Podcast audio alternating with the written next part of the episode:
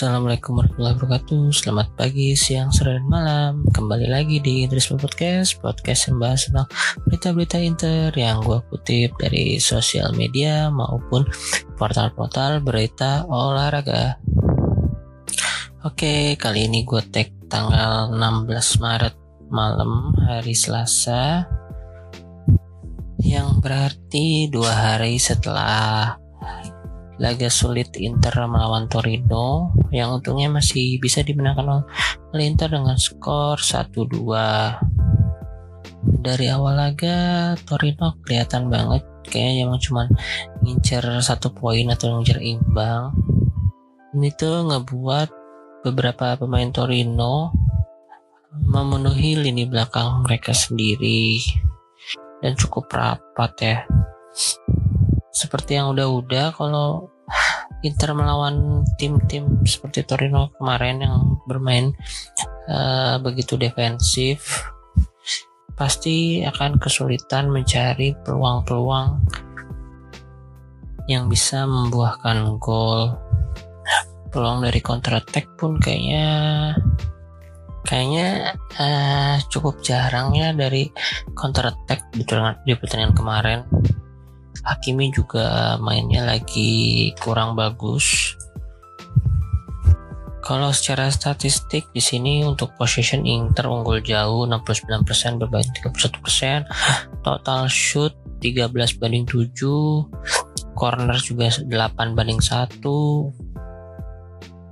Tapi secara kreativitas kurang banget ya apalagi di babak pertama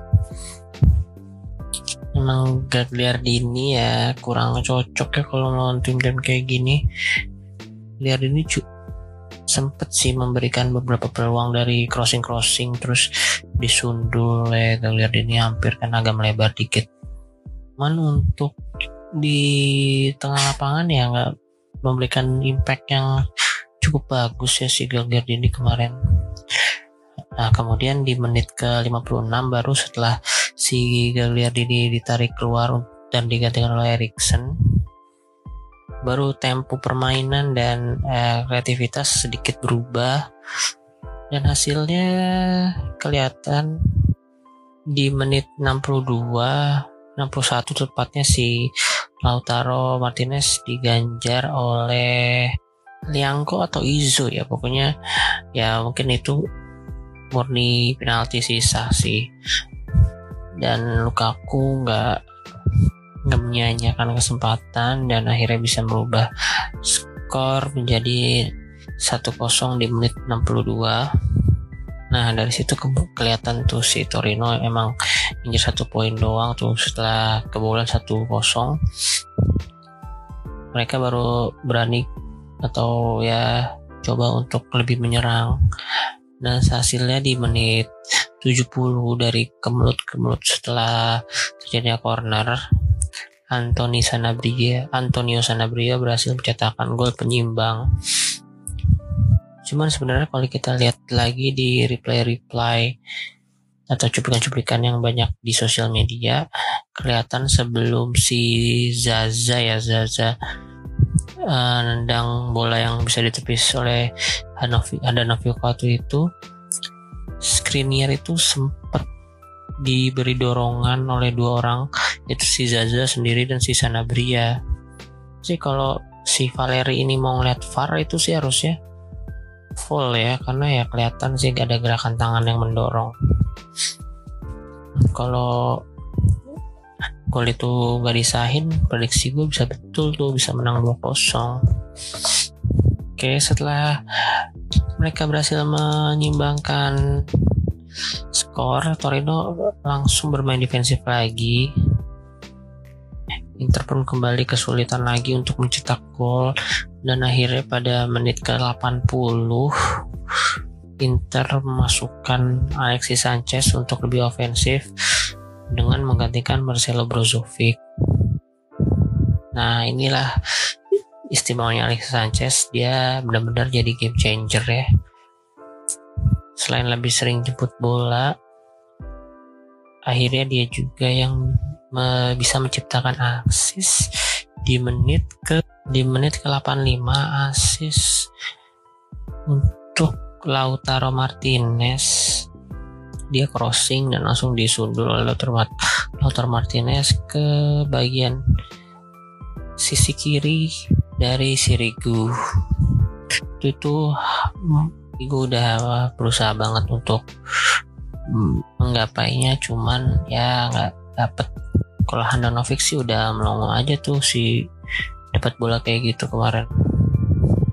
Nah setelah ketinggalan lagi baru kelihatan lagi tuh si Torino masukin Andrea Belotti sama Gojak untuk lebih menyerang di menit 89 sedangkan Inter juga mengganti Ashraf Hakimi ke Matteo Darmian agar lebih defensif sedikit.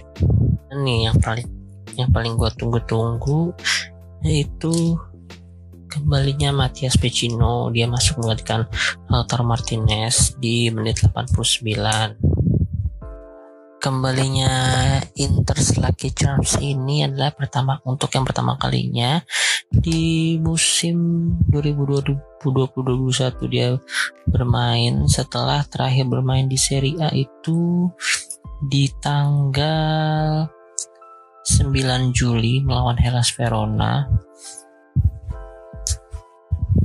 Di situ pun dia harus ditarik keluar karena mengalami cedera di menit 20. Saat itu melawan Hellas Verona adalah pertandingan ke 31 musim lalu. Dan hampir satu musim kan berarti kemarin dia baru bermain lagi di game week ke 28. Berarti udah lebih dari 200 hari. 250 malah kayaknya ya. Cuman sebenarnya dia udah pernah bermain kembali di Inter Primavera kayaknya tanggal 25 atau 28 Januari kemarin saat Inter melawan Genoa ya kalau nggak salah. Dia juga berhasil mencetakkan gol di laga Primavera itu. Cuman akhirnya baru bisa dipercaya untuk kembali merumput dengan skuad utama di pertandingan kemarin. Eh sorry di game 27 ya bukan 28 melawan Torino. Di menit 89 hanya bermain ya satu atau tiga menit lah. Berpeluang mencetakkan gol tuh asal kalau si Lukaku kemarin bisa ngasih crossing yang pas ke kaki Vecino ya. Oke segitu aja untuk uh, review pertandingan Torino versus Inter kemarin. Nah untuk selanjutnya gue akan langsung membahas tentang si Vecino ini yang banyak disebut oleh Interisti lainnya itu sebagai jimat atau lucky charmnya Inter di beberapa pertandingan. Oleh karena itu kali ini gue akan membahas 5 momen penting Vecino di beberapa pertandingan Inter Milan. Oke langsung aja, ini versi gue ya. Kalau versi gue di nomor satu ada, eh gue nggak ngurutin berdasarkan ini ya favorit atau enggaknya gue random aja. Di nomor satu ada pertandingan Inter melawan AC Milan. Musim 2018-2019 game week ke-9 Inter ber berlaku sebagai home walaupun sama-sama di main di Giuseppe Meazza di San Siro. Di pertandingan ini Vecino mencetakkan assist yang sangat krusial yaitu di menit 90 plus 2 kepada Mauro Icardi. Gue kurang yakin sih itu bener-bener emang dia niat ngas crossing sebagus itu atau hanya spekulasi doang. Itulah kelebihan Vecino benar-benar jimat atau membawa keberuntungan di laga-laga penting Inter ya sebenarnya bolanya tuh bagus banget ke Icardi dan Icardi juga nggak nggak kalah bagus ya. Ya seperti melakukan gerakan fikat ya kalau di basket. Bisa mengecoh Alessio Romagnoli. Dan akhirnya pertandingan tersebut berakhir dengan skor 1-0 aja untuk kemenangan Inter. Oke selanjutnya di nomor 2 masih lawan Milan juga. Cuman di season yang berbeda yaitu di season 2019-2020 di match day ke-23 lagi-lagi Inter melawan AC Milan dengan skor akhir 4-2 ini juga menjadikan salah satu momen comeback legendaris yang bakal dikenal di tahun-tahun ke depannya ya. Karena di babak pertama AC Milan berhasil menang 2-0 terlebih dahulu terlebih dahulu dari gol Ante Rebic dan Zlatan Ibrahimovic. Di laga ini setelah ketinggalan 2-0 terlebih dahulu Brozovic berhasil mencetakkan gol membalas kedudukan jadi 1-2 dan lagi-lagi Vecino di menit 53 hanya berselang 2 menit dari gol Brozovic yang tadi dia berhasil mencetakkan gol ke gawang ke gawang Donnarumma setelah mendapatkan assist dan cutback dari Alexis Sanchez. Dan sepertinya momen itu benar-benar ngebangkitin lagi semangat-semangat main Inter. Dan buat percaya diri pasukan Conte waktu itu semakin tinggi ya. Akhirnya dari menit itu Inter terus menyerang menyerang menyerang terus. Dikata bisa dikatakan menguasai pertandingan ya. Dan akhirnya berujung gol balik keadaan di menit 70 oleh Stefan De Vrij dan Lukaku di akhir-akhir laga. Dan di akhir laga pun gol dari Lukaku itu nggak nggak luput dari Matias Vecino juga lah. Walaupun yang asis si Moses cuman berawal dari proses si killing time di pojok kanan sisi eh, penyerangan Inter. Dan dia berhasil mengirimkan umpan ke Victor Moses dan Victor Moses crossing ke Lukaku jadi gol keempat Inter saat itu. Oke langsung aja kita ke nomor 3 di nomor 3 gua masukin pertandingan Inter melawan Hellas Verona home tahun yang sama 1920 match day ke-12 di sini lagi-lagi Inter tertinggal terlebih dahulu ya lewat gol penalti yang berhasil di uh, berhasil dikonversi oleh Val Valerio Perez setelah Mattia Zaccagni dilanggar oleh Handanovic dianggap dilanggar oleh Handanovic oleh wasit waktu itu. Ini agak kontroversial juga sih keputusannya menurut gue ya. Kemudian ya Inter setelah kebobolan di menit 19 itu berusaha terus untuk mencari gol. Cuman selalu gagal maksudnya selalu digagalkan oleh pemain-pemain Verona hingga pada menit ke-65 lagi-lagi Matias Vecino berhasil mencetakkan gol melalui sundulan dari hasil crossing yang diberikan oleh Lord Valentino Lazaro. Lagi-lagi dari momen gol itu dia berhasil membagikan semua semangat para pemain sehingga mereka benar-benar bisa menguasai pertandingan walaupun Hellas Verona pun pemain sangat defensif ya apalagi waktu itu ada Amrabat masih bagus-bagus tuh di Hellas Verona sebelum berhasil didatangkan ke Fiorentina. Cuman ya Vecino lalu highlight waktu pertandingan itu karena Barella berhasil steal the show dengan merasakan gol cantiknya dari luar kotak penalti ya tendangan melengkung yang sangat bagus berhasil cetakan Barella di menit 83 7 menit sebelum pertandingan berakhir. Dan gue tetap menganggap uh, andil besar Vecino di pertandingan tersebut karena dia berhasil membangkitkan semangat teman-temannya. Oke langsung ke nomor 4 Nah ini nomor 4 ini pasti Kalian udah pada tahu semua Pertandingan legendaris Yang mungkin akan dikenang beberapa tahun ke depan ya. Sebagai salah satu pertandingan terbaik juga selama gue menjadi interista yaitu apalagi kalau bukan pertandingan melawan Lazio di musim 7 2017-2018 match day terakhir match day ke-38 pertandingan yang menentukan langkah Inter Milan akhirnya bisa kembali lagi ke UCL untuk tahun berikutnya Inter bermain sebagai tim tamu yang main di Stadion Olimpico.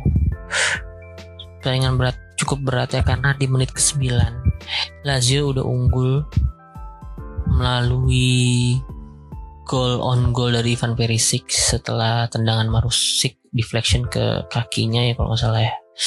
kaki atau atau badan lupa gua Kemudian di menit ke-29 Inter berhasil menyamakan kedudukan melalui tap in dari Danilo de Ambrosius Lord kita tapi di menit 41 Philip Anderson berhasil kembali membuat Lazio unggul. Nah, di menit 78, uh, 75 lah kalau nggak salah, baru drama uh, dimulai ya.